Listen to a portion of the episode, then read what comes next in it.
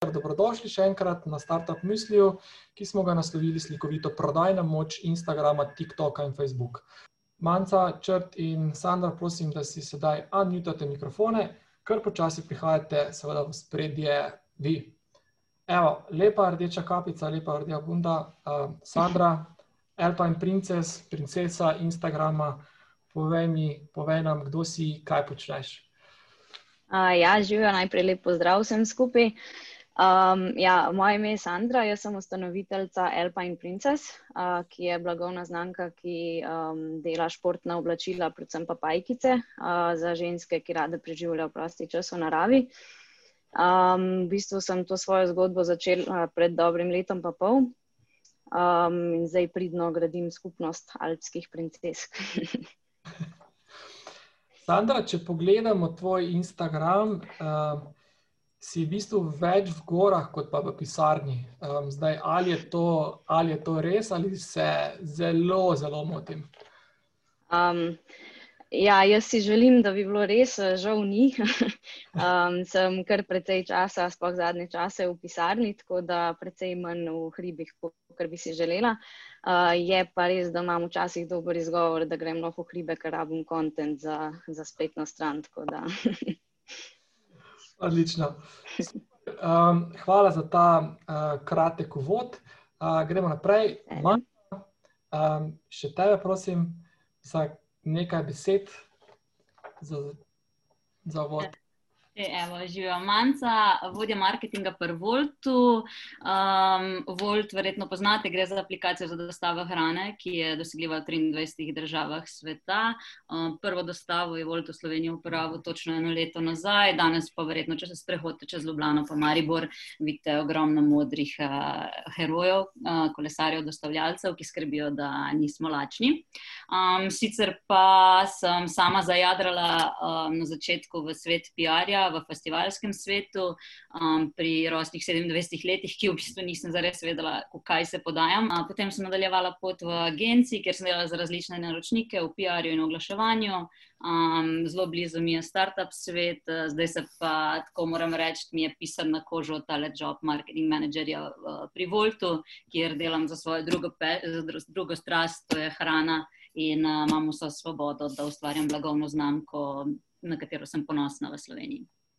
Odlično, hvala, Manca. Zdaj, ko, ko poslušam, kaj si vse počela, zdaj si vseeno zelo taka start-uperka po srcu, ne? tudi Vibrate, Rock, Spinat Butter, um, Volt, konec koncev je, um, ne morem sicer reči, da ravno start-up je pa v bistvu uh, blizu tega, pa se vse obnaša v veliko elementih. Uh, tako uh, je ta neka, ta neka želja po ustvarjanju neke nove vrednosti, nekega novega začetka, gradnja zgodbe, so biti del nečesa večjega nekaj, kar te žene? Uh, ja, absolutno bi se zelo težko znašla. Mogoče bo to največji pokazatelj, ker sem delala v agencijah za velike korporacije, da se težko znajdem v nekih začrtani okolici, da rabim to svobodo, da lahko postavljam nekaj z nule in da, da se odlično, mislim, da mi pomeni nekaj, da lahko začrtam pot uh, in se inspiriram iz tega, kaj potencialno lahko vse za določene blagovne znamke naredimo, ker potencijala je ogromno. Ne? Cool. Mogoče še to, umenila uh, si Volt. Um, malo sem po, poskušal po hitro pobrskati, kateri uh, na svetu ste po v bistvu dostavi. Kako se zdaj, recimo, top 3, top 5 dostavljavcev uh, hrane na globalni ravni? Uh, Fudor, uh, Delivery Hero, recimo, uh, Volt je, je zelo visoko, um, pa odvisno od same od samega mesta. Ne. Zdaj, strategija podjetja do podjetja, eni povčajo največje markete, pa je to Barcelona, pa Amsterdam, kjer je 5-6 velikih eh, dostavljalcev, močni so Bolt, Uber Eats, ampak potem eh, pri nas je recimo bolj to strategija, da povčamo tiste markete, kjer lahko nekoč postanemo lider, number one. Ne, ne gremo se gužvati recimo nek Amsterdam. Cool. To je podobna strategija kot ti, Sandra, ne? tudi ti se ne gužvaš ne? na vrhu uh, gor in tri glave, verjetno ni takšne gužve, kot pa je sredi Ljubljane, ne? tudi to strategija. ja, kar kdaj, uh, polet, kar je. Ampak ja, um, jaz v bistvu nekako moja pot, ker vsi vemo, da Pajkic je malo morje, um, pač nekih kopij in Jim Sharkov in podobnih, um, je vseeno, da so Pajkice mal prilagojene um, hribom, se pravi, so in dizajni mal bolj hribovski in material je bolj trpežen, um, da se ne strga tako hiter. Um, tako da ja, v bistvu, da nekako apelira na neko drugo klientelo, kot pa tako je že um, naslovljena z vidika stotih milijon različnih firm v bistvu. No, cool. Odlično, hvala. In če črt. Ja, živijo črt podlogar, vodja e-commerce marketinga na Sensi Labu trenutno od uh, relativno frišno, no, od avgusta.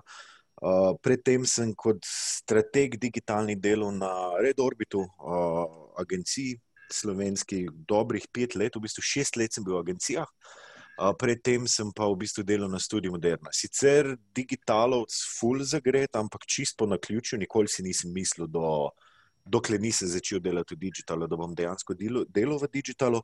Meni pa po drugi strani so korporacije full pri srcu in mi je res toplo, da, da sem se spet, uh, fine feeling je, da se spet borim s kolesjem ogromne firme in uh, ker sem nekako se mi zdi tukaj začel, pa mogoče je ta struktura, pa malo drugačni izzivi, ki jih imajo korporacije, je pa tudi uredno. No. Se mi pa zdi, da se pa mogoče v korporat svetu, a mislim v startup svetu, pa mogoče ne bi tukaj znašel. No. So neke prednosti, pa slabosti malo drugačne. Dve, dve hitri vprašanje, skratka, zakaj si se po naključju znašel v digitalu? Um, aha, ja, jaz sem, ko sem bil mehen, sem mislil, da bom, uh, da bom, uh, kaj že no. Uh, dinozaure odkrival in take zadeve, arheolog. Uh, in potem sem se odločil, da bom novinar oziroma radijski napovedovalec. Po pa sem slučajno, ko sem rabil denar za najemnino v študentskem stanovanju, se prijavil na delo v klicnem centru v Studiu Moderni. In iz nekega razloga je ta CV pristal na mizi od roka Hrastnika, zdajšnjega mojega šefa in takratnega direktorja internet departmenta v Studiu Moderna. In tako sem v bistvu pol slučajno pristal na internet departmentu in začel spoznavati digital. Če verjetno tega ne bi takrat bilo vprašanje, če bi se mi danes tukaj pogovarjali. Um, črt, ko, ko, praviš, torej, da, ti, da so ti všeč um, korporacije ali pa velika podjetja, zdaj um, mogoče malo za občutek, kakšna, kakšna, v kakšnih dimenzijah govorimo o, o, o torej številu trgov, uporabnikov, kupcev, ko govorimo o tem, kakšno podjetje je to. Um, okay. Je zdaj, recimo, moja prva korporacija, pa tudi prva resna služba, resno taka, da lahko rečem, da zdaj pa bilo treba ostati in iti vsak dan v službo in intenzivno delati. Je bila Studio Moderna, ki je takrat bila na 21 trgih, imela je nekih 160 spletnih trgovin takrat in uh, imela 5000 plus zaposlenih. Senstilab trenutno ima. Pff, odvisno, koga vprašate. Med 80 in 120 spletnih trgovin, da imamo tako reči, odvisno od sezone, ker je full sezonski posel, pa pa mi načeloma tukaj kar dinamično probamo prilagajati, kaj, je, kaj tretiramo kot aktivno spletno trgovino, kaj pa ne, glede na, glede na to, kje se nahajamo v letu. Tako da je pa recimo, vem, pač tukaj vse en manjše podjetje, no vsega skupaj, po mojem, nekih 240 zaposlenih, ampak vse en je, so oddelki in uh, pač procesi in strukture in take stvari. Višno, kar se pa tiče, zdaj nisem bral članek, ne, da ta trg um, digitalnega oglaševanja izrazito, izrazito raste. Um, Imamo, imaš morda kakšno številko, koliko recimo velik slovenski, koliko se v, koliko slovenska podjetja trošijo recimo na, na digitalnem oglaševanju ali pa na oglaševanju na digitalnih kanalih preko pauze. Zdaj je bilo, zdaj je bilo v bistvu glihen članek na marketing magazinu. Mislim, mislim, da je to zelo konzervativna ocena. Marketing magazin je ocenil, da približno 100 milijonov evrov na leto dajo slovenska podjetja. Zdaj, če to vključuje vse velike oglaševalce in njihove investicije na vseh trgih. Bi jaz rekel, da tukaj gladko posekamo 100 milijonov. No? Zaradi tega, ker mislim, da sam v največjih par Facebook oglaševalcev nas pride zelo tam nekje med 50 in 70 milijonov evrov investicije v Facebook. In pol, če računamo še Google, če računamo še vse influencerje in vse ostale platforme, native advertising, se mi zdi, jaz mislim, da tukaj pridemo gladko do enkrat večje številke. Plus, da je zdaj, ki je bila korona, verjetno so vsi te budžeti eksponentno rasli. No. Uh, ker se mi zdi, da je ogromno podjetij, ki je zdaj v 2020 doseglo svoj triletni cilj rasti online, zdaj je vprašanje, edin, kaj se bo naredil, ko bo korone konec. Kako bomo tukaj izgubili, pa kako bo to mogoče spet pa zdaj ustavilo rast. Ne? Ker zdaj se mi zdi, da smo v neki fazi nekega ne vem, preporoda ali pa pospešitve digitala, ampak obstaja pa velik riziko, da bomo mogli pa pol face zaprim, zato se situacija normalizira. Okay držimo pesti, da, ne, ne, da bo to v bistvu trend, ki bo trajal v nedogled. Da se korone znebimo, ampak da digital prodaja ostane. Evo, tako. Tako, tako, na račun spremenjenih nakupnih navad in bolj digital sevi potrošnikov. Cool. Um, hvala za ta uvodne, uvodne kratke predstavitve. Ker grem na prvo tako uradno vprašanje uh, in sicer. Kaj je vaš, torej zdaj govorimo o vašem podjetju, v katerih se trenutno, um, uh, za katere trenutno delate, v katerih trenutno ustvarjate, kaj je vaš glavni cilj uh, na, na družbenih omrežjih? Torej, je to prodaja, je to gradnja skupnosti, večanje prepoznavnosti, prometa na spletni strani, uh, je to kombinacija vsega, ali se je po vašem mnenju potrebno na družbenih omrežjih izključno fokusirati na en cilj in tistega dobro zasledovati. Um, pa, kar vidim tukaj, Sandro, Sandra, kar izvoli uh, kot prva. Um, ja, torej, meni je v bistvu prevladujoče uh, družbeno mreže Instagram, uh, ki ga uporabljam predvsem za neko prepoznavnost blagovne znamke in za nek um, community building.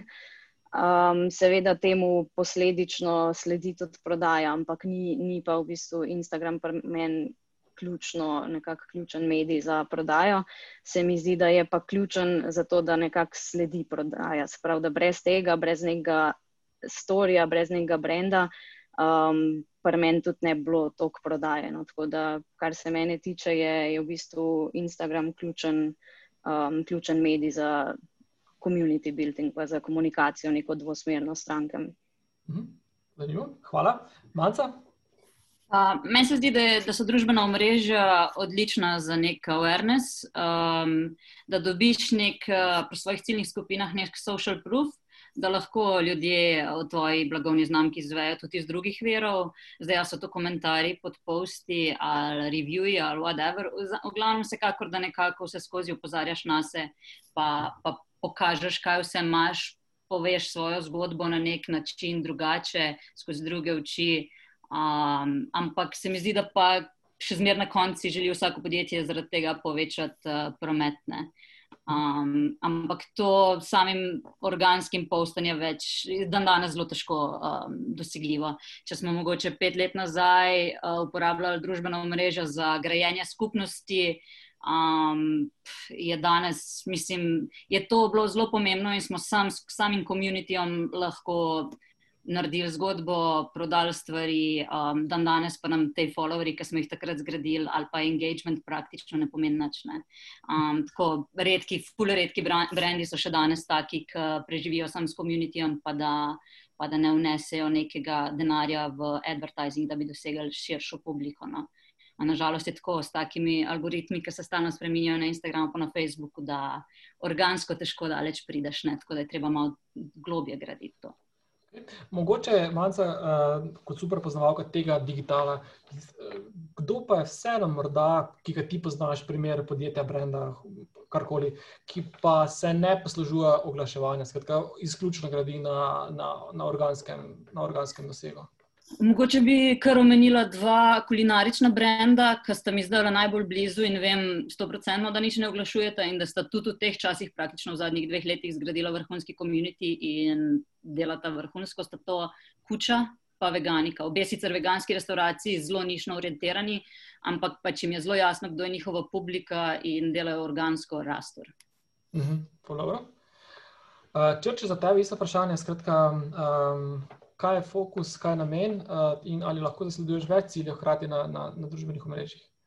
Um, zdaj, mislim, pri nas ultimativni cilj večine stvari, ki jih delamo, je prodaja. Vedno pač direktna prodaja, če je le mogoče, ampak je tako. Zdaj, pri nas direktno, tako bom rekel, fulejnih stvari pri nas mi smo primarno na Facebooku in Instagramu prisotni, druge načeloma ne. Um, je malo odvisno od brenda, načeloma pri nas. Zaradi tega, ker imamo brende, ki so namenjeni malo bolj starejši publiki, kakšni brendi, ki so bolj slimming, kakšni brendi, ki imajo recimo tudi malo beauty komponente zraven, pa so mogoče za malo mlajšo, pa malo bolj žensko publiko.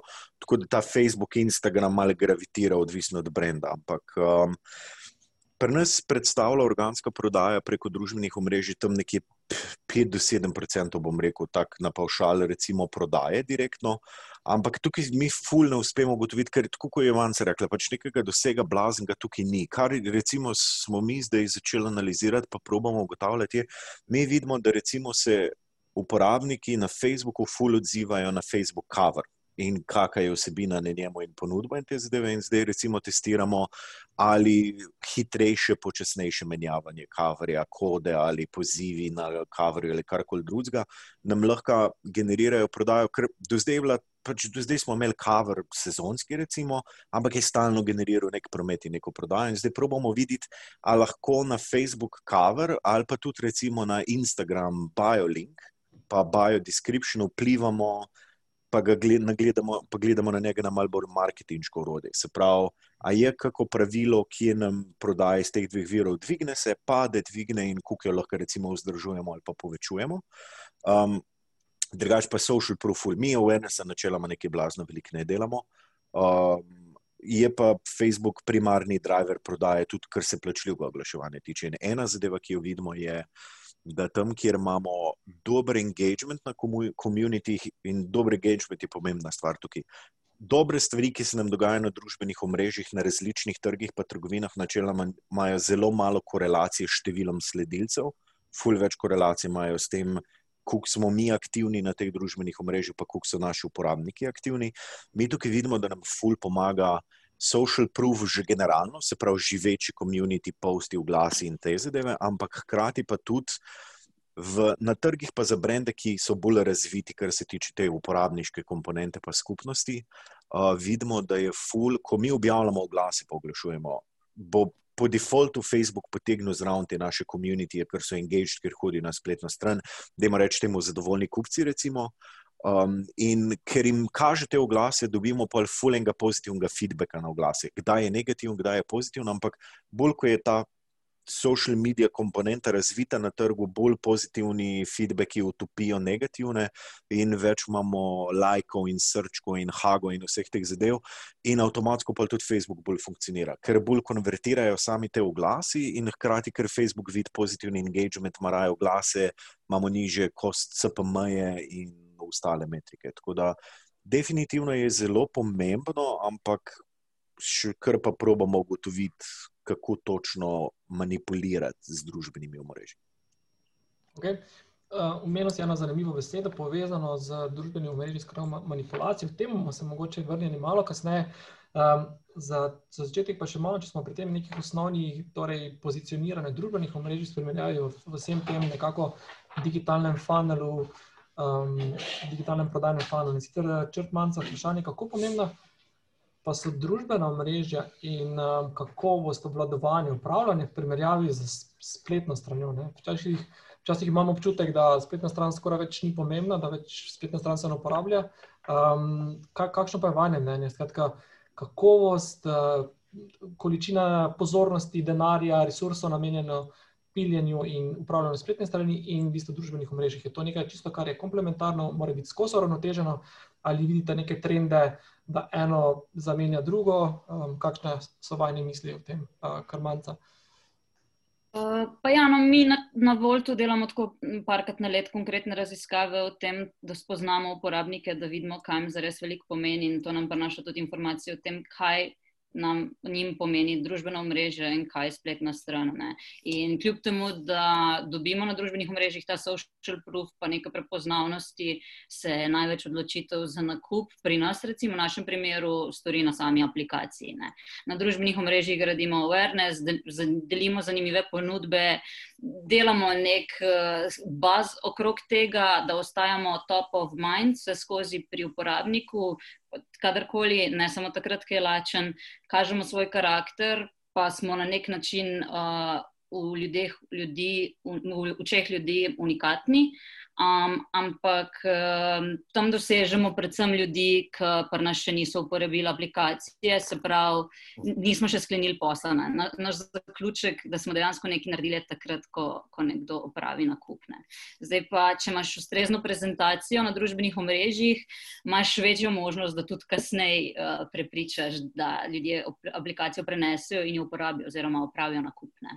Uh, tako da pa iz tega bi zaključila, da naš iskreno najmočnejši marketinški kanal je še vedno aplikacija. Obliščajo tok in tok tisoče ljudi na, na dan um, in iz samega družbenega omrežja načeloma ne moramo zgenerirati tok nakupov, kot ker direktno samo aplikacijo. Pač to je, aplikacija ima izjemno moč, pa jo moramo izkoristiti. Um, je pa resno, da kar se tiče konta na družbenih omrežjih, se je treba tam danes fulboriti za pozornost. Tok je enih brendov okrog, tok zanimivo komunicirajo, tok ponudbe, da moraš biti res, moraš imeti neko rdečo nit, moraš biti zanimiv, moraš imeti nek karakter, blagovne znamke, da si worth uh, to follow. Um, borimo se za pozornost. Tako da pač je to kot v našem primeru neke vrste support uh, drugemu prodajnemu kanalu. Um, kar se tiče spletne trgovine ali Facebook page, recimo, ali pa Instagram profil, definitivno spletna trgovina. Tudi kar se tiče, koliko resursov investiramo v testiranje, prilagajanje, vzdrževanje spletne trgovine, pa človeških virov, ni nobene primerjave, recimo, pri nas.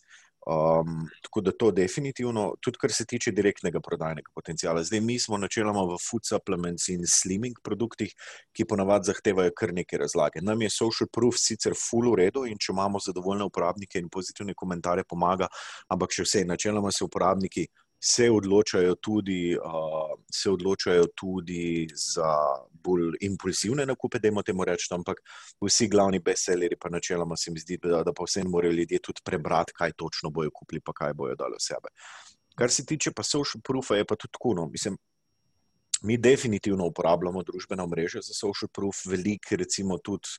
Ga uporabljamo za mogoče kak feedback, kar se tiče dobrih kreativ, ko jih testiramo, kar se sicer kar delivera mešane rezultate, v smislu, da probamo postati neke različne poste in imidže in slike, in tisti, ki dobijo dober organski um, engagement, jih pa testiramo tudi v glase, kjer spet ni pravila, da bi rekel, da.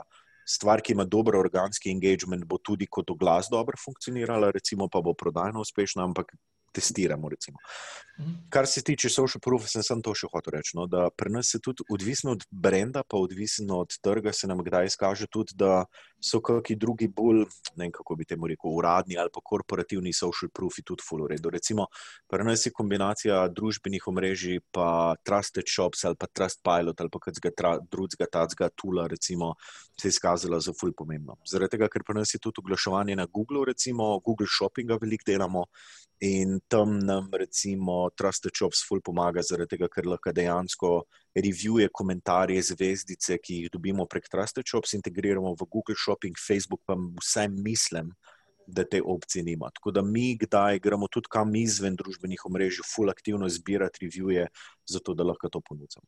Uh -huh. um, Sandra, mogoče ti še kakšen komentar na to, na, na, na to, na to vprašanje, skratka ta razmerje? Ja. Uh, jaz imam tle mogoče rahlo drugačno izkušnjo, je pa res, da tudi um, jaz sem blagovno znamko razvila iz osebnega brenda um, in pa meni pa v bistvu družbeno mreže predstavljajo kar pomemben faktor, tudi da v bistvu sploh pripeljejo ljudi na spletno stran. Um, dost se v bistvu tudi prodaje zgodi prek družbenih omrežij, da dost ljudi tam najprej vpraša nekaj o produktu um, in ga pol tudi naroč, tako da pa meni v bistvu je pa mogoče rih mal drugačna slika da je pa tam do 30% v bistvu prodaje se zgodi uh, prek družbenih omrežij. Tako da meni je to tudi, uh, kljub temu, da je v bistvu primarni namen neka, neka gradnja komunitija, pa ohranjanje stika z um, potencijalnimi strankami, um, je pa v bistvu tudi ful pomemben prodajni kanal. Tako da um, Pravim, da. Lahko da je rahlo drugačna zgodba, ker je pač tudi moj osebni brand, ki izhaja tudi iz mojega osebnega Instagram profila, kjer imam 40 tisoč sledilcev, um, ki pol v bistvu jih tudi malo bolj zanima in imajo malo bolj feeling prek družbenih omrežij, da nekako komunicirajo prav z mano um, in se tam malo bolj sprostijo, kot pa na spletni strani. Mhm. Mogoče lahko samo eno zdaj, ja, glih, glih to, kar je Sandra omenila, v bistvu iz agencijskih časov mojih, še recimo te osebni brendi, ki postanejo trgovine, prodajalci ali kako koli profili, so ful zanimivi. Zaradi tega, ker sem tudi na redu orbitu imel priliko, da sem imel stik s parimi takimi brendi, ki so bili tukaj nekje, ja, recimo 20 tisoč, 30 tisoč, 40 tisoč sledilcev. In tukaj je bila pa praktično spletna trgovina samo servisna stvar, zato da se je oddal order. Recimo, nekateri so pa kar celo preko Facebook Messengerja oddajali um, orderje ali pa preko Facebook page hoteli te stvari narediti ali kako koli. Kar je bilo meni tukaj vedno fascinantno, je bilo, to so ponavadi bili vedno neki, jaz pač vse primere, ki jih poznam, so fashion, recimo taki, ne, ne poznam nobenega drugega, ki ne bi bil. Uh, in to so ponavadi bili neki ustvarjalci, dizajnerji, ki so sami pač ustvarjali ta oblačila, imeli neko zgodbo v zadnji in to je bilo fascinantno gledati. To je bilo tako, recimo, ne vem, posti v smislu uh, punce, kje od teh dveh oblekic se vam zdi najbolj primerna. 1500 lajkov za eno, 7000 za drugo, šla v produkcijo, razprodana v treh dneh, brez enega evra investicije. Tako da je res fascinantno gledati, kako so te stvari lahko učinkovite. Ne? Ampak mi se mi zdi, da kot korporacija ne znamo rekreirati te stvari, no? ali pa vsaj. Mogoče ne vem, nimamo obraza, pa jaz ne vem. Kar se jaz nikoli nisem mogel določiti, ali je to zaradi tega, ker je manjši brand, ker je, recimo, pri Sandri konkretno, zato ker je Sandra in ker ji ljudje zaupajo in ker je to njen brand produkt, ali če bi mi kot recimo Sensilab znali imitirati Sandri pristop in komunikacijo, bi pri nas tudi šlo. Ampak tukaj se mi zdi, da je veliko bolj ta osebni brand pomemben. No? In da pač, če si korporacija, enostavno ne moreš tega skopirati. Uh, veš, kaj je črt, v bistvu jaz sem tudi gradila fulorada te osebne znamke zraven, par je dobrih primerov. Jaz iskreno mislim, da pri korporaciji je to zelo težko narediti, oziroma moraš iz tega brenda iti na zelo personal communication in postaviti nek karakter. Ampak da mislim, pri, pri grajanju osnovne osebne znamke pa moraš iti from the ground up. Ne. Recimo en tak primer je Rock Spinat Butter, on je na sebi, on je bil glavni ambasador um, in še zaradi tega danes ljudje pri njemu kupujejo, ker je to rok. Ampak en, ena blagovna znamka, ki je naredila full dober preskok iz osebne, osebnega brenda, pa je zdaj, rečemo, zelo velika znamka, je Malinca Nastja. Ne? Ona je tudi gradila iz osebene, ona kot sama. Mm, odlično.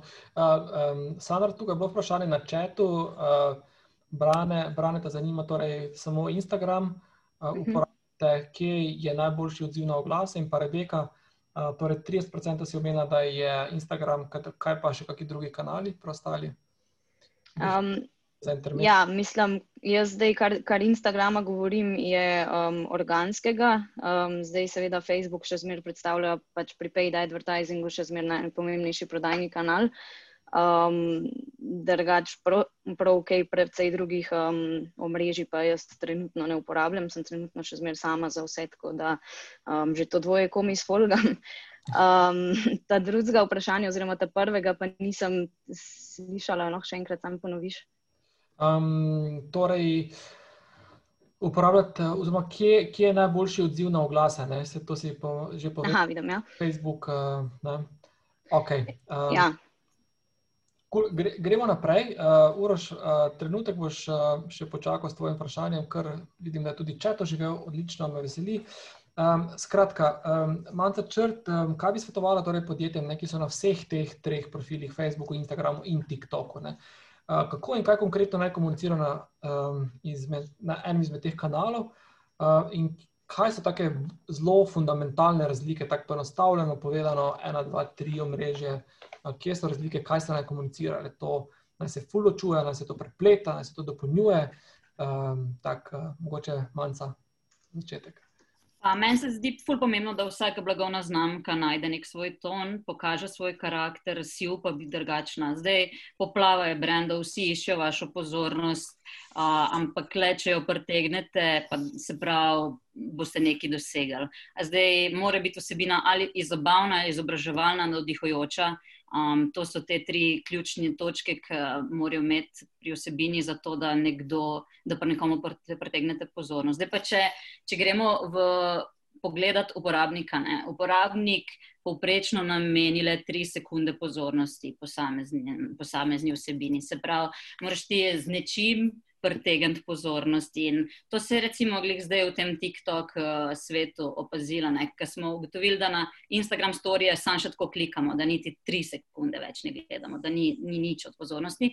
Na TikToku je isto, scroll, scroll, scrollaš in v prvih parih sekundah moš pritegniti uh, pozornost. In zdaj ja, je to nek vizual, je neka fora. Treba je testirati, spremenjati osebine. Tako iskreno, don't be shamed, mislim pač tako, noben vam ne bo zameril, če je iz, katera izmed osebine slaba, bedna, brezvezna. Fok se tega itak ne bo spomnil. Ne? Se pravi, moraš pucati svašta ven, v bistvu kar ti pade na pamet, zato da ti bo ena. Ena osebina ratala viralna. Um, pa ne vem, mislim, tako zdaj, če gremo pogledat, ful, uh, če gremo svoj primer na TikToku, um, je, je fural nek kontroverzen video. WAP se imenuje, dvojni VAP, um, ki je Cardi B ima neko pesem, kjer ljudje tvrkajo. In to je bil huge trend.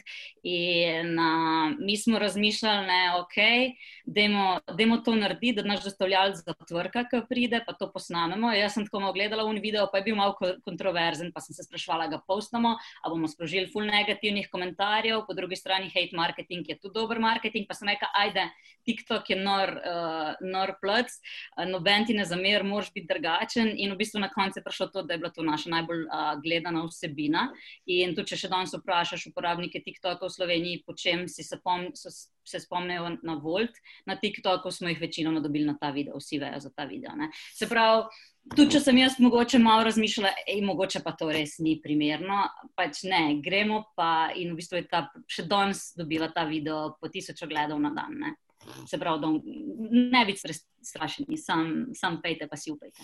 Zdaj, to si omenila, Manca, uh, eno zanimivo, eno zanimivo stvar. Skratka, vidiš, da na enem drugem brendu, enem drugem produktu, mogoče v kakšni drugi državi, nekaj funkcionira, recimo na TikToku, omenila si. Uh -huh. uh, je, je, s kakšno verjetnostjo bo to tudi na Kajsu Volta v Sloveniji funkcioniralo? Je to tako ena na ena copy-paste, da pač če neka fora deluje, deluje, ali je to pač full velik rizik, da to pač ista fora na drugem brendu, v drugem okolju ne bo delovala?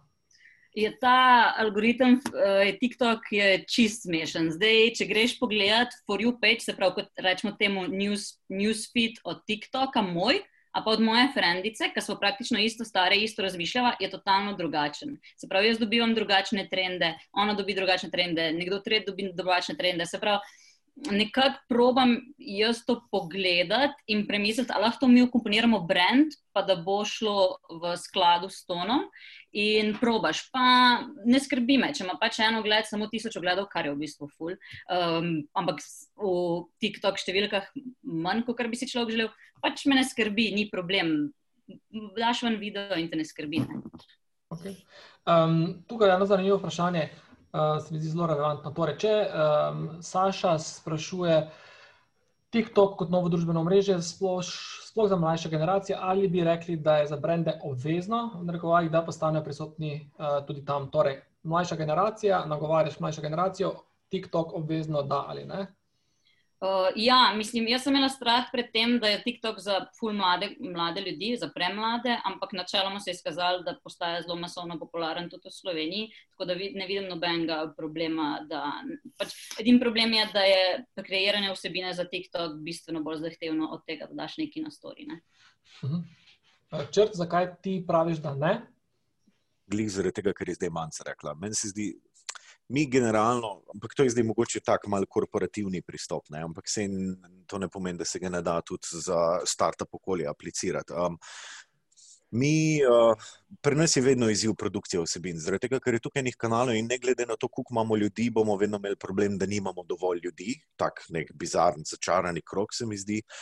In ja, TikTok je ful bolj kompliciran in ful težje ugotoviti, kaj je formula za TikTok. Zdaj, recimo, vsi testi, ki jih mi zdaj delamo na TikToku, neč, mi imamo tudi malo problema s compliancem, kot food supplement, pa slimming produkti. Recimo, um, kar, kar je mene malo presenetilo. Sem mislil, da bo bolj divji zahod platforma, pa da se bo dal glih vse, ampak kot uradni brend ali poglaševalec, recimo, si precej omejen. Um, Mi vse stvari zaenkrat probavamo preko drugih content creatorjev in preko in TikTok influencerjev ali pa kar koli. No. Ampak se zaenkrat ni izkazalo, da bi nek ful pozitiven vpliv na prodajo. In tako, kot sem že prej rekel, ne, pri nas prodaja vse en ključni driver decision makinga, pa investicije. Recimo, mi imamo tak pristop, mal minimum viable product, če vidimo profit ali luč na koncu tunela za profit, pa bomo šli pač naprej razvijati zadeve, pa ne. Tako da TikTok je zdaj trenutno nekje na meji.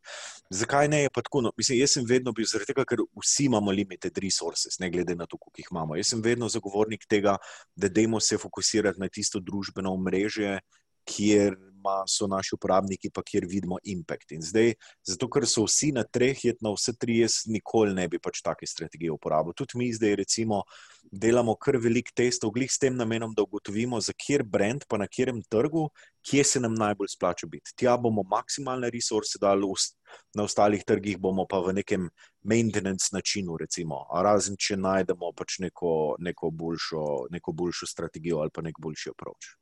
Mhm. Jaz se strinjam, črt s tabo, res je treba odločiti se, kje boš prisoten in koliko fokusa boš uh, prenesel na določen uh, družbeni kanal.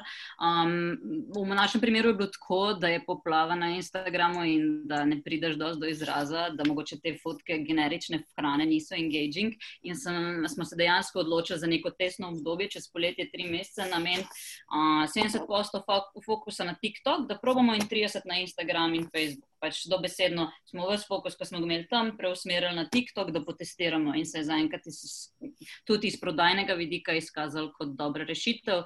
Smo ahead other brands, kar pomeni, da nam raste community hitreje in uh, upamo, da si bomo na ta način že zgradili nek brand tam. No.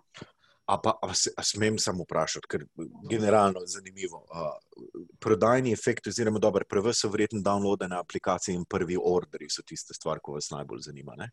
Samo, v bistvu samo prvi order. Mi smo tisti, ki nas zanima, tisti, ki so znotraj dostavne cone, ki lahko kupijo stvar. In dejansko vidite, da s TikTokom lahko proaktivno ali pa aktivno organsko. Najboljša stvar je, da lahko organsko, da nič digitalnega denarja še ne vnašamo v oglaševanje na TikToku. Že mi imamo neke referral kode, ki jo damo, ne vem, naprimer TikTok 6, o prvem naročilu 6 evrov popusta. In dobesedno nam to generira velik FTU-jev, tako če primerjamo z Instagramom in z TikTokom. Okay. Sandra, še isto vprašanje za tebe. Skratka, si na Instagramu, si na Facebooku, kaj pa TikTok, zakaj, zakaj ne, oziroma zakaj Ja. Um, ja, mislim, ni, ni nekega uh, drugega razloga, kot to, da, kar sem prej rekla, da sem trenutno še zmeraj sama za vse. Uh, moram lepo povedati, da v sredo dobim svojo prvo zaposleno, tako da je mogoče stvar mal drugačna. Hvala. um, ja, zaenkrat pa um, pač vse voditi in že to, da, da sem na Instagramu vsak dan aktivna. Um, Meni v bistvu jaz furam dva Instagram profila, svojega osebnega in od brenda, ker pač svojega osebnega nočem zanemarjati, ker še zmeraj veliko ljudi mislim, jaz sem v resnici svoj, svoj največji brand ambassador, če tako pogledam. Um, in to, da nekako ne zanemarjam svojega osebnega Instagram profila, mi tudi driva dosta trafika na, na pač Alpine Princess um, Instagram profil. Um, tako da ta dva profila uh, voditi, pa še Facebook, še nekako uh, gre. Um, TikTok, pa nisem niti tako domača, mogla bi investirati pač neki cajt, um, ki ga trenutno ni. Se mi pa zdi zelo pomemben, oziroma se mi zdi, da, da tako da če si od začetka zraven, imaš nek večji čens, da boš pol, če stvari eksplodirati, pač, um, da je lažje no, organsko nekako nek rič imeti, kot pa če si late to the game. Tako da definitivno je to v planu. Sandra, prva, prva naloga tvoje nove zaposlene, zaposlenega bo, da se odpre TikTok profil in da začnete pičiti. Evo, sej posluša zdaj, tako da se bo zapisala. okay. um, vprašanja, kar eh, dežujejo na Facebooku in tukaj v četu. Um, pa, um, preden gremo na vprašanje, eno še mogoče z moje strani in sicer zdaj. Um, rok, črte, da se bomo znali malo predstavljati. Um, če gremo zdaj malo na temo upravljanja, torej uh, teh družbenih omrežij. Ne. Kaj pa meni vodenje družbene mreže v, v bistvu v Senci Labo, ki ste na toliko trgih, na toliko različnih orodjih, um, kako tako malo, mogoče za občutek, uh, kakšna je vaša ekipa, kako ste organizirani, um, tako mogoče malo procesno orišeš. Uh, Da se bomo znali predstavljati, kako to, kako to zgleda. Znam, lažje si znamo predstavljati Sandro, ki, ki, ki dela vse sama, od, od, od jutra do večera, Um, teže si pa znam predstavljati uh, Senzilab, uh, kjer, kjer delate v, na takem, na takem geografiji. Uh -huh, uh -huh. um, zdaj, dobro, naša, naša struktura je malo specifična, pa tudi uh, stvar konstantnega razvoja, da temu reči, prilagajamo se potrebam časa.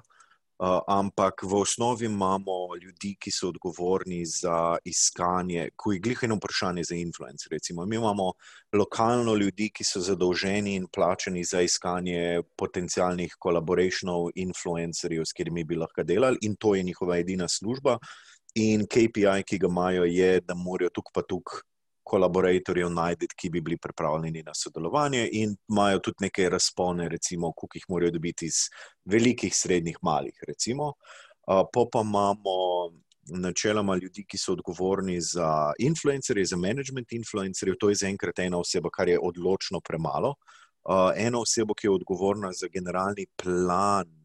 Družbe, strategije ali pa mesečnega koncepta, kaj bomo delali na družbenih omrežjih za, za vsak brand, uh, Pol imamo pa mi v bistvu v Sensilabu centralno ekipo editorjev, mi, mi rečemo, ki skrbijo pa za vse kontent, kaj se bo delalo na mailu, kaj se bo delalo na družbenih omrežjih in skrbijo za implementacijo vseh teh planov, ki se naredijo. No. Tako da pol na konci na tak ali drugačen način je sigurn 20-30 ljudi upletenih recimo, v cel proces. Ampak ni pa, da samo na družbenih omrežjih dela. Če bi mogel človek ure za samo zgolj in izključno družbena mreža poračunati, bi rekel mogoče ne vem, pet full-time ljudi, recimo, ampak spet ena taka stvar, ki noben zares točno ne ve. No. Mhm, mhm. Zanimivo. Uh, Sandra, eno vprašanje je tako zanimivo. Neko si prej omenila, ki gre tudi skratka, na malo povezano z upravljanjem. Skratka, omenila si, oziroma manjka omenila, da niso šli na Instagram zaradi tega, ker je v bistvu Instagram relativno uh, mogoče nasiče z nekimi vsebinami, ali pa da, ni, ali pa da teže v bistvu izstopaš na nek način. Ne. Da, po drugi strani je moj vtis tudi, da v bistvu je ta fashion, da je tak primarni, en izmed največjih, bom rekel, segmentov na Instagramu, vse, vsebinsko gledano. Ne. Zdaj tukaj um, Maja sprašuje. Ne, Torej, kako najti pa ti isto neko tržno nišo, vseeno v Instagramu, ne? kako ugotoviti tisto, kaj dela, kaj ne dela, um, da vseeno izstopiš, ker v bistvu, iz, izmed te neke poplave uh, vsebin, for dobrih, dobrega, dobrega materijala, dobrega konta?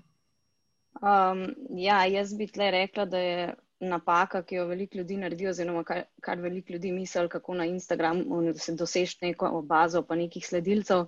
Um, je izključno in samo kontent. In mogoče je včasih to bilo res, zdaj, ko ima pa vsak uh, dober fotoaparat že na telefonu, ko vsak zna uporabljati filtre, ko vsak zna narediti precej lepo in estetsko fotko,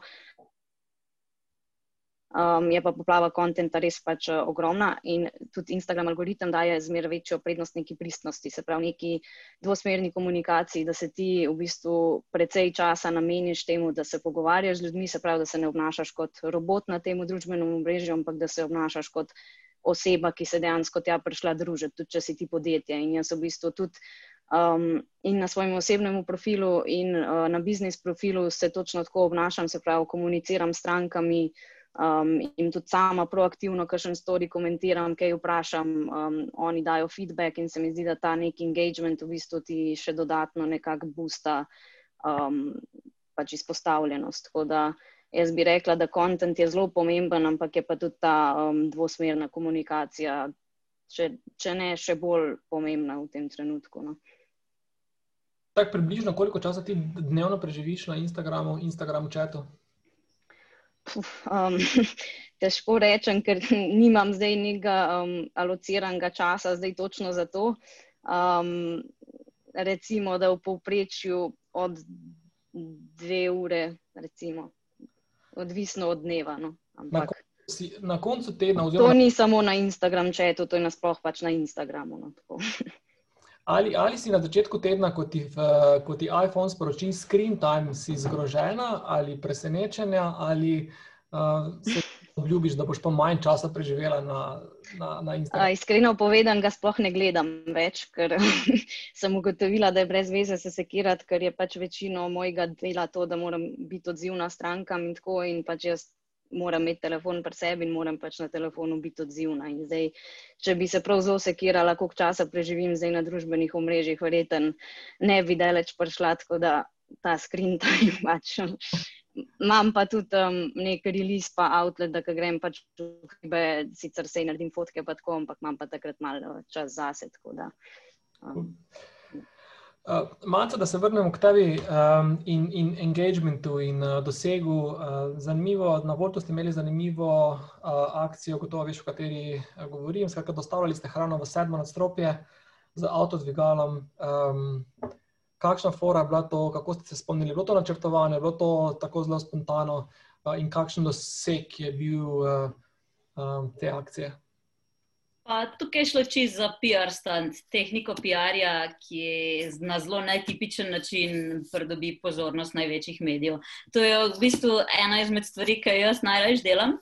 In uh, tako, to se zgodi spontano, uh, malo klikerji, malo vidiš situacijo zunaj. In tle si je bilo pač tako, da ekipa Radio 1 full rada dela neke potegavščine med sabo in drugim. In tokrat so um, Roberta Roškarja zaklenili v sedmo nadstropje stropje, mu postavili kamero na vrata uh, in ga pustili brez hrane. In v zameno se je on mogel naučiti, ne vem, gobeline delati, uh, orgelce uh, igrati. Uh, in v enem trenutku smo mi to videli, in ker je bil brez hrane, smo pač rekli, ok, sej hrano pa valjda lahko mi dostavimo, kdo če ne mi. Ne? In pa pač se pogovarjava z njim in reče, in ne moreš, kamero imam na vratih, sedmi štuk. In smo pač začeli razmišljati, kako bi to rešili, in smo zrihtali avto dvigalo, ki je dvignilo dvignil hrano v sedmo nadstropje. Zdaj, akcija je pritegnila toliko pozornosti, da je ta spektakel na Facebook Live od Radia 1 spremljal 100 tisoč ljudi. Mislim, v prvem dnevu je bilo že 100 tisoč ogledov, to pa ni bilo vse. Eh, prišel je Pop TV in to posnel in v prime timeu to predvajal eno minuto prispevka. Um, mi smo imeli uh, pač povsod volt vrečke plus modro volt dekco, ki se je vdaleč videla. Se pravi, na koncu konca smo bili mi na Pop TV-ju in praktično zdaj moja, moja babi, ki živi v Trebnem, kjer volt, za volt še slišali, niso pač vejo, kaj volt dela. Se pravi, volt, da ostavi hrano kamorkoli, tudi v sedmi štuk. In to je bil neko tisto sporočilo, ki smo ga mi hoteli postaviti ven. Ni problem, lahko si v parku, lahko si v sedmem štuku, lahko si zaklenjen, mi dostavimo. A volt dostavi hrano tudi v Kisovec? Ne. to je bil pa majhen uh, oklepaj um, znotraj stavne cone v Ljubljani in Mariboru, zaklepaj. Okay, Ampak okay. Uh, v tem primeru je bil pomemben brand awareness, positioning, nekoč, morda bo tudi kisovec, da se znamo. Pa naj se ve, ne, da smo tukaj. Krasno. Um, hvala. Zdaj, če, se, če se vrnemo še malo v bistvu na, torej na, na prodajo in na nagrade, na nagradne igre, ki so na nek način tudi potencialno pospeševali s prodajo. Torej, ali se, um, um, Sandra, uh, predvsem ti, uh, torej, ti si pripravljen za svoj zveste kupce en taki zelo sistematičen nagradni program, uh, kjer zbirajo točke za prihodne nakupe, pridobijo ugodnosti, uh, če dajo pač neke, neke torej, testimoniale, naložijo fotografijo in tako naprej. Um, torej, kateri od teh pristopov zbiranja točk ali pa teh uh, nekako so se ti najbolje obrestovali, so producirali najboljši o, rezultat, in kako pogosto uporabljaš te, te bom rekel, take uh, orodja pospeševanja prodaje? Um, ja, v bistvu pri meni se je tako začelo, da veliko strank kupi izdelke in so ful zadovoljne z njim, in pač ženske, ker smo pač ženske, to priporočamo vsem svojim prijateljem. In seveda, um, imamo tak fajn občutek, če to done kupijo in so zadovoljne s tem. In se je dosti žensk prišlo, oziroma dosti strank prišlo v bistvu nazaj pohvaliti, da one so pa priporočile trem prijateljem in da so vse tri kuple in pa mi še kakšno sliko pošljajo in tako. In se mi zdi, da vse res, v resnici. Um, stranke full fine počutijo vlogi nekih brand ambassadorjev in pol sem se odločila, da mogoče pa to stvar tudi fine nagraditi z nekim popustom um, in da se tega mal bolj sistematično lotiš. Um, tako da jaz sem kakšen mesec nazaj ta uh, loyalty program lansirala um, in je v bistvu trenutno najbolj uspešno lihto ta referral program, se pravi, da svoj osebni link z neko kodo za popust svojim prijateljem pošiljajo in šerajo nekako svoje zadovoljstvo z artiklom. Um, druga stvar, ki se je začela dogajati, je, da ljudje precej več revijev puščajo. Um, po mojih izkušnjah, uh, kupci iz tujine um, skoraj praviloma zmerno pišejo review, um, so zelo iskreni s svojim reviewom, pač povejo, če jim kaj ni všeč, pa kaj jim je všeč. Um, Slovenci se mi zdi, da smo pa vseeno dosti zadržani glede tega. um, da bomo v bistvu raj mogoče kaj um, izpostavili, če nam kaj ni všeč, če smo pa z nečim zadovoljni, pa redko gremo sami od sebe, zdaj prav na spletno stran še enkrat nazaj, zato da pustimo dober review.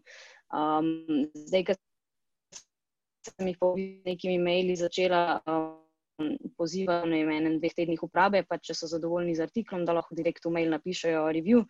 Um, se je pa število reviewov začelo kar znatno višati. No, da um, zdaj tudi to, da so za to nagrajeni, pač ima verjetno nek vpliv, ker pa zbirajo s tem točke. Da, um, kar se pa nagradnih iger tiče, pa, pa tako jaz recimo enkrat na mesec ali pa enkrat na dva meseca neko nagradno igro naredim. Um, se mi pa zdi, da, da so pa zmeraj bolj uspešne, če nekako sodelujem z nekim profilom, ki je v neki podobni niši kot jaz, se pravi, da ne dobiš sam um, nekih ljudi, ki jih v bistvu svoj, sploh tvoj brand ne zanima, ampak dobiš zelo targetirane no, nove followerje. Hvala. Uh, glede teh reviewov in engagementa, um, naš, naše izkušnje, recimo, ko objavljamo in delamo te rekel, vsebine, misli, dogodke, delavnice, je, da posamezniki ali posamezniki zelo težko ali pa zelo malem obsegu komentirajo, vse vključujejo na poste. Recimo. Um, kakšen pa je, kakšna pa je vaša izkušnja, tukaj zdaj gledam v bistvu vse, Sandra, črt, manjca? Mogoče črt na izkušnje engagementa na različnih trgih, s čim je to povezano, je povezano, ste se kaj s tem sistematično ukvarjali? Manj, kot bi si želel. Da, edina stvar, ki jo lahko povem, je, da načeloma je bolj odvisno od blagovne znamke, kot od trga, kot smo uspeli zaenkrat ugotoviti.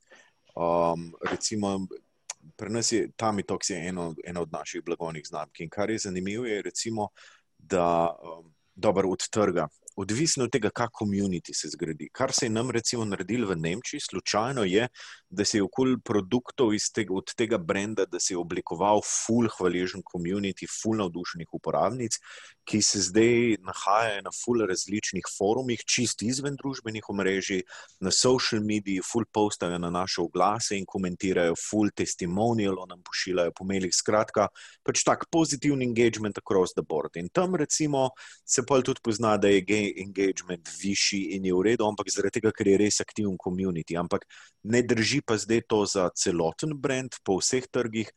Um, hkrati pa tudi, recimo, niso ostali brendi v Nemčiji, recimo, tazga uspeha dosegli. Tako da zdaj ne uspemo ničemu pripisati tega, to je pač nek tak happy unicorn znotraj Sensi Laba, ki se je zgodil, ful smo hvaležni za njega, ampak um, ne vemo čistočno, zakaj pa kako, kako bi ga rekreirali. Načeloma, no? Ampak tako, jaz bom rekel, naš engagement je precej slab, tak tipično korporativni. No? Um, so kliki, recimo, tako kot sem rekel na Facebooku, na, uh, na te um, Facebook coverje in dobimo recimo promet in revenue iz tega naslova, ampak uh, engagement z oglasi je pa, je pa precej, precej nizek. Je pa tudi tako. No? Mi nekaj blazno velikih profilov z neko masovno količino followerjev, recimo vem, nad 50 tisoč, načeloma tudi niti nimamo. No? Zaradi tega, ker je večina brendov pa vse en uh, starih let, dve, pa fulje so razpršene aktivnosti po fulj velikih različnih trgih, tako da uh, se ne pogovarjamo zdaj tukaj o ne vem, nekih bajnih številkah, pol milijona followerjev. Recimo. Mhm. Anca, imaš ti kako mnenje na to temo? Pa ja, se mi zdi, če smo v bistvu marketing menedžerji pet let nazaj sami računali, kakšen je engagement, pa koliko komentarjev dobimo, se mi zdi, da je ta podatek dan danes praktično ničen. Ne? Mislim, dan danes se ljudje odzovejo samo na vsebino, ki je zares provokativna. Vse, če gremo čisto na aktualno vsebino, kdo ima največ šerov, pa komentarjev zadnje dva, tri tedne v Sloveniji, Marko Porter, zato ker pač se je dotaknil neke teorije, s katero se ljudje ali ful strinjajo ali pa ne strinjajo. Se pravi, je zelo na nek način provokativna. Ne. Zdaj, a hočeš biti brand, ki je provokativen, pa mogoče občasno zajadraš s požičningom stran od tega, kar dejansko si, oziroma kar prodajaš, ali pa pač. Uh, uporabiš družbeno platformo samo za awareness oziroma za obveščanje in te ne skrbi, ali ljudje to zares komentirajo, šerajo ali ne, ne. Je pa res, da opažam v primeru TikToka, da ta stvar, če recimo pozoveš ljudi, da te šerate to, lajkajte, followajte, uh, še deluje. In če gremo tudi nazaj pogledati v Facebook pa Instagram, na začetku, ki je bil to po vojih early adopteri, rečemo mogoče ne glih čist early adopteri, ampak še kjer ni bilo masovno popularno, je pa če si ti na Instagramu ali pa na Facebooku rekel, da jih komentirajte, širite, označite frende, je to delovalno. In tako bi rekla, pol, da lahko potem takem v teoriji rečemo, da na začetku, dokler je neko družbeno mrežo v povojih, so ljudje bistveno bolj dosegljivi za to, da naredijo, kar jih ti pozo pozoveš. Um, primer TikToka v številkah, to pomeni, da če ti daš v video, pa da je. Vsebina zanimiva, vsekakor, da jo ljudje gledajo več kot tri sekunde, lahko poveča engagement za petkrat. Hmm. Eno, ena zanimiva stvar si še omenila, da uh, imam tukaj ne, in sicer provokativna vsebina. Ne.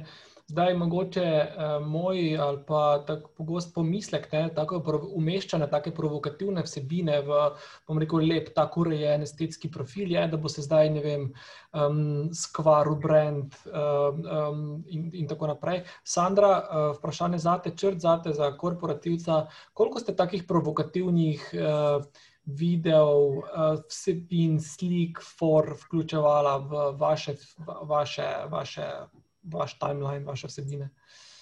Sandra, nisem še videl nobenega planinca v tvojih hotpensih, da pleza po tri glav in nabira lajke. Uh, ja, nisi videl, so pa um, sicer slovenci bolj ne, ampak um, je pa precej Nemcev, ki je dejansko bolj pajkice in slika, se slika v, njimi, v njih. Um, pardon, Um, nisem pa še prišla do nekega konsenza sama pri sebi, da bi to delila ali ne bi tega delila. Tako da mogoče sem jaz tega vidika malo bolj konzervativna. Um, ne vem, ja, verjetno nek engagement bi dosegel, predvsem z vidika vsaj slovencev, neko zgražanje bi, bi pred, predpostavljala. Um, ampak ja, trenutno mislim, da so, so moje osebine malo bolj konzervativne v tem pogledu. Ampak hate marketing ti zna tudi pozitivne revije prenesti. Mogoče pač bodo trije glasi negativni, ampak se bo obrnilo obratno in bo folk o tem govoril in boš postila statement. Da, mogoče zaprovati, če, če ti bo sedel. No, good point, sej zato pa pravim, da nisem še dosegla čist konsenza sama pri sebi.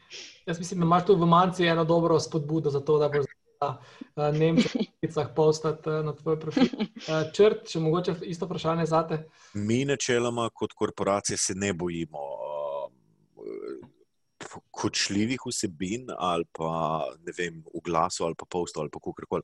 Jaz bom tako rekel, nas veliko bolj družbena omrežja omejujejo kot naša lastna konzervativnost. Zaradi tega, ker je pač policy compliance tisti, ki je problem. Mi, nima, mi smo včasih recimo bili full bolj agresivni ali pa zelo veliko bolj vem, meni osebno, recimo, mogoče kdaj bolj na meji dobrega okusa, kar se tiče kreativ, komunikacije, recimo na slimming brandih, kar se tiče debelosti, hujšanja in vseh teh zadev. Tako da, načeloma tukaj nimamo problema. Tudi zdaj, recimo, je bila ena debata in en test, ki ga bomo šli delati, ker smo pač food supplements brand, je zdaj le pač v tem drugem valu korone, full nepričakovano. Mi smo v prvem valu korone full probal imunost in zdravje in te prehranski dodatki, recimo, ki naj bi bili povezani z nekim splošnim zdravjem za korono, ampak so nas gladko zignorirali eh, kupci na vseh trgih. Zdaj je pa ogromna eksplozija skrbi za samo zdravje in vitaminov, razno raznih in teh zadev zaradi korone. In tako je načeloma. Večje kot je, bolj ko je rdeča država v Evropi, rečemo Češka, Slovaška, bolj so vsi ponoreli nad razno raznimi vitamini in suplementi. Tako da mi bomo zdaj tukaj šli na tako zelo direktno komunikacijo in se ne bomo pač izogibali nekih teh tem. No. Tako da se pravi, prvo nas je bolj issue compliance. Mi recimo tudi smo včasih prodajali, tako zanimiva zgodba, včasih smo prodajali izdelek za izboljševanje erekcije, recimo. Uh, in razlog, in je bil ful dobro se je prodajal. Razlog, zakaj ga ne prodajamo več, je zaradi tega, ker nam Facebook in Instagram ne dovolita komunicirati seksualnih vsebin, ne pa zaradi tega, ker mi ne bi želeli tega delati. Zdaj bomo recimo tudi se pogovarjali, da bi radi testirali uh, ta, oziroma revival ta izdelek na Traffic Junkies, to je, vem, za tiste, ki poznate uh, YouPorn in Pornhub, recimo, tako da načeloma nimamo problema. No. Se pravi, policija je večkrat ovira kot pa, kot pa konzervativnost. No.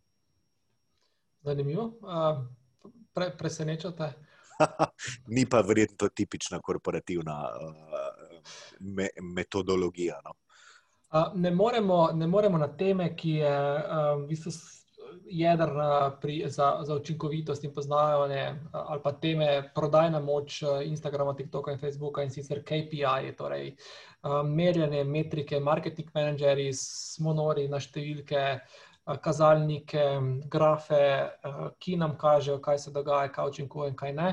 Um, mogoče vprašanje za vsakega izmed vas, kaj je vaš tisti um, najbolj ključna ena metrika ali pa dve, ki jih spremljate na posameznih uh, omrežjih, tista zvezda severnica, ki vam kaže, uh, uh, da ste na pravi poti. Uh, mogoče jaz začnem. Uh, Pri nas smo zelo ciljno uh, usmerjeni in uh, noben nam ne ploska na procent engagementa, število komentarjev. Nam je to podatek, ki nam nič ne velja. Naša ključna metrika je le nakup, ki ga upravi uporabnik. Um, nam je pa na družbenih omrežjih pomembno sam, da ostanemo top of mind ali pa postanemo top of mind, ko človek postane um, uh, ko, sta, ko postane lačen. Če se dotakne mogoče malo uh, TikToka, je zaenkrat tako, da največ velja število ogledov. Um, nek dodaten push dobiš tudi, če ljudje širijo tvoj video s svojimi frendi, se pravi, ampak to je ta direkten šer, ne na noben zid ali karkoli. Um, komentarjev pa praktično noben več ne bere in noben ga ne zanimajo. Tako da sem imela ful zanimiv pogovor, ki mi je kolegica iz hrvaškega marketa uh, rekla: Joj, imate pa take komentarje. Ne vem, ne, v neki se je usekala, pa sem ji rekla pač. No one cares, noben ne odpre komentarjev, ker noben se tega ne spomne, njih zanima samo vsebina in gremo dalje. Ne. Um, je pa tako, no, recimo na TikToku smo tri mesece nazaj, ko smo prvič objavili prvi video, je bilo ful pomembno, da smo začeli graditi svoj kanal z uporabo influencerjev. Vem, da je bilo prej nekaj že včeto na to temo rečeno, influencerji ja, ne. In jaz bi absolutno rekla ja, na vsaki platformi, sploh nima veze, je to TikTok ali ne. Ampak v primeru TikToka, recimo, um, algoritem prepozna njegov, njegov obraz in porine video naprej. Se pravi, mi smo že s prvimi šestimi, sedmimi videi, ki smo jih naredili z influencerji, dobili po 40 tisoč ogledov slovencev. A in to samo zato, ker smo uporabljali influencerje. Je pa pač zelo pomembno, da si pazljiv pri tem, koga ukomponiraš v svoj brand, koga vzameš in kako ga pobrifiraš. Zato, ker je pomembno, da se vidi, da je človek to poosebil in da je del tega brenda. Um, zato neka splošna uporaba influencerjev v vseh videih ni, ni najboljša varianta. Res moraš um, preštudirati sceno in ugotoviti, kdo bo pasal v tvoj brand in da ga bo dobro posebil in predstavljal. Ne. Um, ja, pa še slaba stvar v tem primeru. Imamo kar nekaj profilov podjetij, brendov na TikToku, ki so zgenerirali neko število ogledov uh, z uporabo influencerja, ampak niso pa uspeli vsebinsko no, dobiti nobene povezave z blagovno znamko. Se pravi, ima nek profil, um, en kup videov posnetkov, 50 videov posnetkov, vsak po 5000 ogledov, um, ampak ni, ne, ni nobenega call to action, ni nobenega smisla blagovno znamko, ljudje tam jejo čips, recimo za en primer, in nimajo nobenega pozornosti publike, in ljudje jih niti ne lajkajo, ne followajo, nič jih ne zanima. Ne. Mm, mm. Sandra, um, če nadaljujemo. Ja. Um, mislim, ja, tako kot, sta prej, um, kar smo omenjali, definitivno prodaja je končna stvar, ki jo vsi želimo doseči in ki jo vsi spremljamo. Um, Pri meni je še ena stvar, ki jo spremljam, v bistvu nek engagement, ampak ne v smislu komentarjev pod posti, ker to, tako kot smo prej, kot je tudi Vanca rekla, tega lih uh, prav velik zadnje čase ni. Je pa pri meni dosta odziva na storije, v smislu, da, da ljudje komentirajo, ne vem, ko objavim razvoj novega produkta, pa sliko enega materijala, komentirajo, kaj pa to bo, kako bo pa izgledalo, ima še kakšno sliko, ne vem, kaj in take stvari. In pol dejansko, ko se ta nek um, expectations buildaš glede tega produkta, ki dam, ne vem, prednaročila za ta produkt, se doskrat zgodi, da v bistvu že um, razprodan, preden je sploh dejansko na zalogi. Tako da um, za me Instagram v bistvu primarno to, kar spremljam, je tudi to, koliko nekega hypa zbildam preko Instagrama za, za svoje produkte, ki se kasneje tudi izraža v prodaji. Kaj pa ta KPI, število, eh, število sledilcev na Instagramu, Sandra? Kdaj boš ti, ne vem, eh, dosegla 50, 100 eh, tisoč followerjev? Ti je to sploh cilj in zakaj je in zakaj ne? Um, tako, jaz mislim, da je boljš v resnici imeti manj sledilcev, pa da so to neki nišni sledilci oziroma pristni sledilci, kot pa da imaš veliko profilov, ki te, ki te sledijo, pa v bistvu od tega nimaš nič. Um, tako da zdaj meni cilj, da bi prav povečala followerje na vsak način, mi ni niti na svojem profilu, niti na um, profilu Delpa in Princess. Mi je pa seveda v interesu zbildati pa čim več followerjev, ki so um, relevantni za blagovno znamko, se pravi, doskrat tudi sodelujem s kakšnimi profili, ki objavljajo um, slike punc v hribih ali pa pač, ne vem, take, kjer veš, da jim tudi sledi nek komunity ljudi, ki bi jih tvoj produkt potencialno zanimal. Tako da uh, se mi zdi, da je v bistvu bolj, bolj, pomembno, bolj pomembna kakovost sledilcev, kot je število sledilcev. Okay, hvala. Uh, črt, uh, metrika. Mm. Uh, pred metriko sem to omogočil, no, da se navežem na tole izbiro produkta ali pa ta engagement, ki ga dobijo. To je recimo ena stvar, ki smo se prej pogovarjali, da korporacije ful težko skupiramo personal brand uh, profile. To je recimo ena zadeva, ki jo mi zdaj načrtujemo in bi jo v 2021 ful radi testirali. Radi bi probali, ali lahko tudi mi kot korporacije pri razvoju brenda, ali je to ne, nova linija produktov ali pa čisto nov brand ali lahko prek družbenih omrežij, pa predvsem tudi prek influencerjev, ali lahko mi zdaj izengageamo publiko in rečemo, da to je pač zdaj nabor izdelkov za novi brand, ki jih lahko imamo, aktivne učinkovine, proti čemu pomagajo in tako naprej. In zdaj se vi, kot naši uporabniki, followeri, kot followeri nekih influencerjev, s katerimi delamo.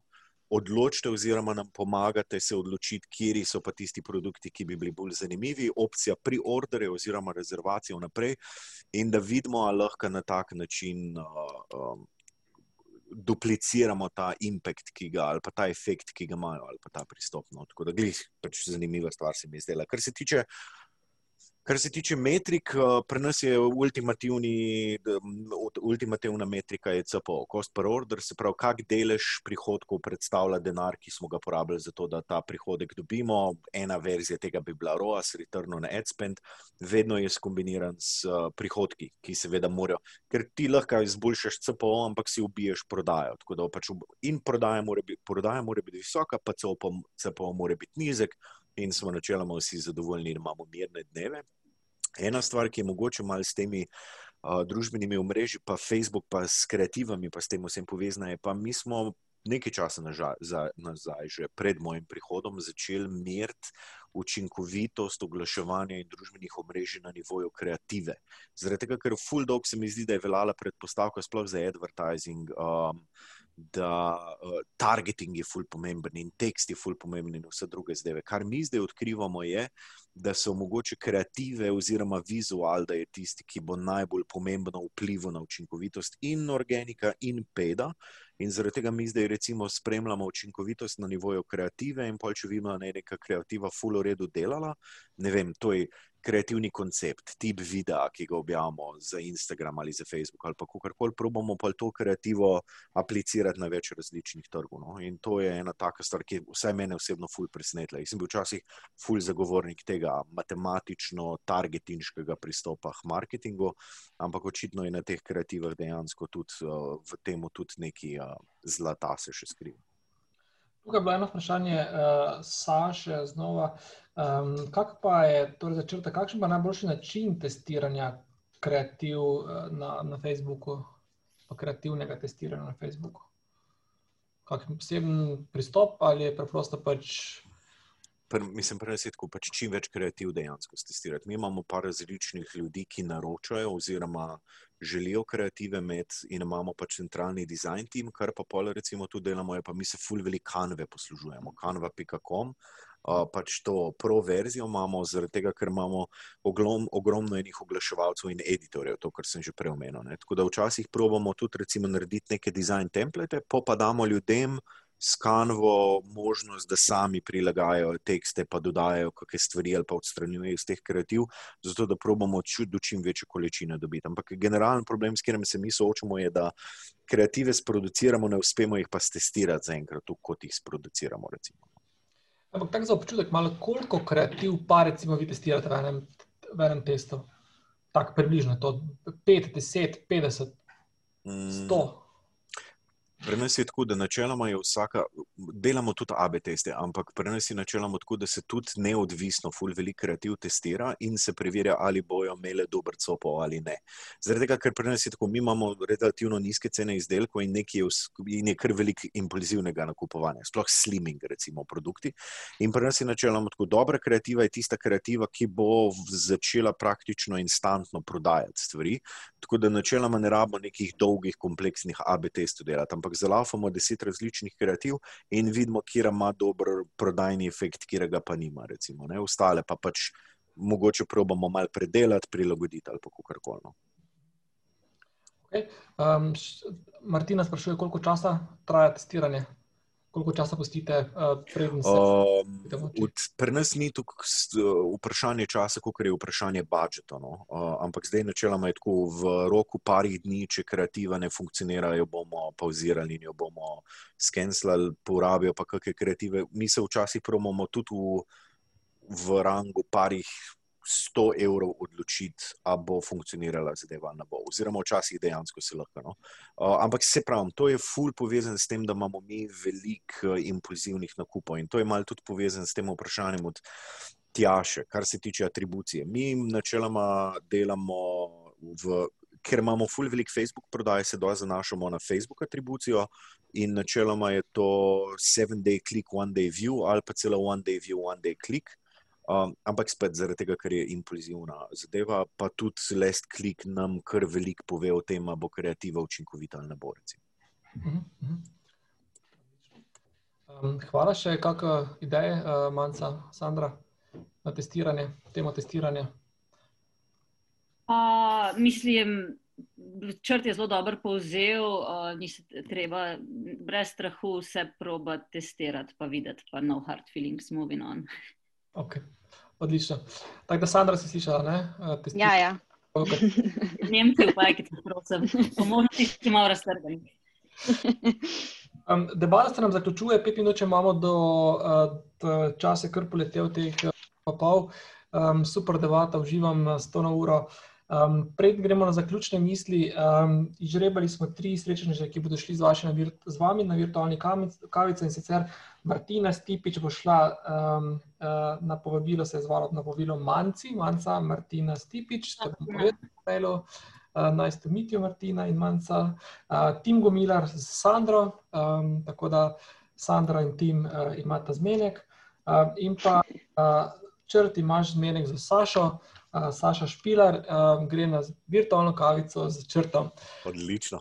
Um, super, čestitke žrebancem. Jaz mislim, da bo pa odlična debata. Pa dajte tudi kak post narediti, da bomo tudi videli, kako bo ta virtualna kavica um, izgledala. Ok, um, tri minute še imamo zaključne misli um, za, za vse.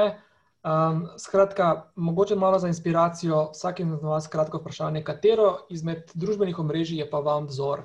Uh, to je tista prva misel, ko, ali pa tisti vzornik, ki ga spremljate, ki, uh, ki vam res dobro dela, ki, ki ga občudujete um, v vašem profesionalnem ali pa zasebnem svetu. Skratka, eno ime, um, lahko je poseben brand, lahko je uh, velik brand, skratka, res, ki, ki, ki v vašem profesionalnem pogledu res odlično dela um, vrstni red, manjka Sandra, črt, črt, Sandra, manjka, kdo pa prvi. Ajde, može, grem jaz. Uh, pa jaz sem v bistvu najbolj navdušena zadnje leto nad blagovno znamko Kuče.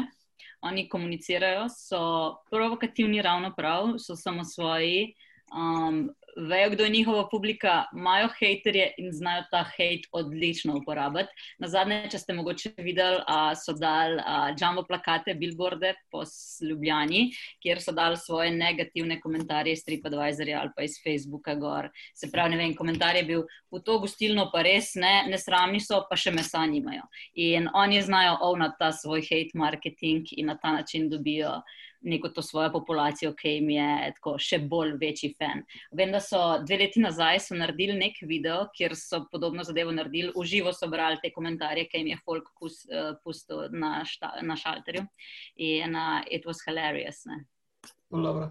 Super, mi je všeč, da si dala slovenski primer. Um, odlično, uh, Sandra. Um, meni je v bistvu fascinanten brand, ki ga po mojem vsi poznate, mi je še zmeraj Jim Shark. Um, bolj iz tega vidika, da jim je ratal v bistvu na nekem čist um, direct-to-consumer brandu pač narediti tak hit, se pravi narediti to, da imajo večino izdelkov razprodanih, še preden dejansko sploh pridejo, ker se poslužujejo teh njihovih um, ambassadors, se pravi, um, da najprej njim dajo artikle, um, neke promo sample, ki jih oni tako dobro spromovirajo, da v bistvu preden nova zaloga pride, si jo oni že pokrijajo s tem, da. da razprodajo. Tako da se mi zdi, da, da so odličen primer tega, kako se da na socialu v bistvu social uporabiti za prodajo. No, mm, jaz pa čisti iskreno ne vem. Kar mi je bilo fascinantno, je, recimo, meni je bil zelo zanimiv nastop About You -ja na slovenskem trgu. Uh, ta ne, neverjeten hype na popuste, ki ga ustvarjajo z. Z temi influencerji, recimo, je meni taka zadeva, ki je zanimiva. Jaz tukaj All-Star, ko imam zdaj, nisem nikoli prejemal in to bolj ali manj sam zaradi kot za popustov od About You -ja na družbenih omrežjih. Recimo, no. da, Ej, ampak ni, um, meni je bilo mogoče malo pretirano. Uh, količina influencerjev in mhm. časovno omejevanje, kdaj točno so stvar objavili. Uh, mogoče, jaz sicer tukaj sem tako, no, načeloma. Um, Moris, Moris, Morin, Moris, Better, ampak mogoče, ja. Ampak hkrati se mi pa zdi, da so pa tukaj preplavili to zadevo, pa v nekako teh valovih so jih delali. Ne? Jaz, kdaj sem recimo hotel kako kodo izkoristiti, pa sem rekel, oh, šit, ne, zamudil sem. In pol je naslednja bila, oh, jaz, to nekdo drug je zdaj. In sem pač tisto kodo ponudil. Tako da je bil ta double FOMO, veš. Mm. Fak, ne, ne, ne, pa sem rekel, da bom naročil in nisem in pa so me v bistvu rešili z naslednjim. Tako da se mi si predstavljam, da je kar v redu valovila prodaja. No? Uh, ja, pa še pol dobro je obratni efekt za same influencerje, zato ker smo mi mogoče tudi bili iskalci te kode za popust, smo šli pofolati, če ne vem, nekoga, ki ga prej nismo followali. Ne? To, mislim, jaz. Pač ni nobe, praktično noben od njihovih influencerjev, se mi zdi, da jaz nisem njihova ciljna skupina in zdaj kar naenkrat ful nekih ženskih influencerjev followam in se sprašujem, kaj se dogaja z mojim fidom, pa stori. A imaš že un koledar, ki piše, ok, Ana Marija Golta si imela zdaj, kako bo najverjetneje, da ne, ne, ne. Jaz mislim, da je to, kar, kar si ti rekel, čr, da more is more, da veliko ljudi misli, da jih v resnici, oziroma veliko ljudi pravi, da jih moti to, da jih bombardirajo z vseh strani. Je pa, je pa težko reči, da ni efektivno. Pač meni je about you, recimo, šlo precej na živce, da je bilo tok tega iz vseh koncev na koncu sem šla pa lihtko naročiti, pač lih zaradi tega, ker, ker imaš top of mind. Pač je annoying, ampak it works. Da... Pa mogoče. Na splošni populaciji, mogoče smo mi malenkost bolj občutljivi na to, pa to vidimo. Ja splošna populacija je pa čisto vseeno. Pa to mogoče, recimo, ne? tudi vprašanje, koliko imajo oni overlap, pa koliko je generalno overlap. Jaz, kadarkoli so, recimo, koliko se prekrivajo zdaj followerji ja. treh, ne vem, mamina, off, pa kul cool mama site, pa kul cool fotra, pa tako naprej. Um, zaradi tega, ker meni to vsakeč, ko grem pregledovati neke overlape, pri nas je isto, recimo, me ful presenetili različni brendi, ki jih mi imamo imajo tudi na full mehkih trgih, kakršni so Slovenija in Hrvaška, full mal overlap. Kar pomeni, da kljub vsemu advertizingu in vsemu glasom in Facebooku in budžetu, je full mal ljudi, ki poznajo Sensilab, dejansko pozna ali pa je v stiku še s kakim drugim brendom. Tako da se mi zdi, da tudi iz tega vidika, no, da včasih mogoče malo precenjujemo, kuk se pa res veliko pojavljamo, sploh za nekoga, ki ja ni pač stalno v tem in ne registrira kot mm. sokol čisto vsake zadeve. No.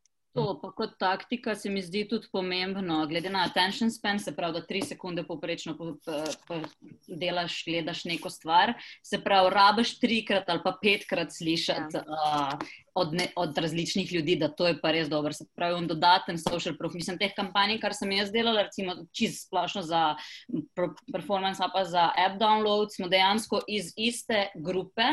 Se pravi, bom dala primer. Mm, una, um, Nika Krmec, Ines Erbus, David Amaro. Si misliš, ok, vsi imajo iste followerje, ajde, Ines Erbus jih ima največ. Ne? Ampak iz treh različnih verov si slišal in uh, mogoče prvič ja. nisi downloadil, drugič tudi ne, tretjič si lobaš tako stari, vsi imajo to. In imaš feeling, hej, ok, vsi imajo to, rabam. Ja, točno to je. Ja. Zelo zanimiva debata. Um, tu, danes smo imeli v bistvu dve debati. Ne? Ena je bila sporedno influencerska debata na četu, ne? Drugih, o Instagramu, TikToku, Facebooku v, v živo. Da, evo, um, Imamo še full materijala za influencerje. Naslednja tema. Ja. follow, follow up, uh, definitivno debata, influencerji, gotovo bo tem sledil. Um, kar za dosti zanimivih uh, tem za, uh, za, za pogovor smo dobili. Uh, čas eno um, se nam je stekel, res, res iskreno hvala vsem za te iskrive misli, modre na sveta in vaše, vaša mnenja. Res je bil kul cool pogovor, živo sem od začetka do konca, prav gotovo tudi uh, vsi, vsi ostali.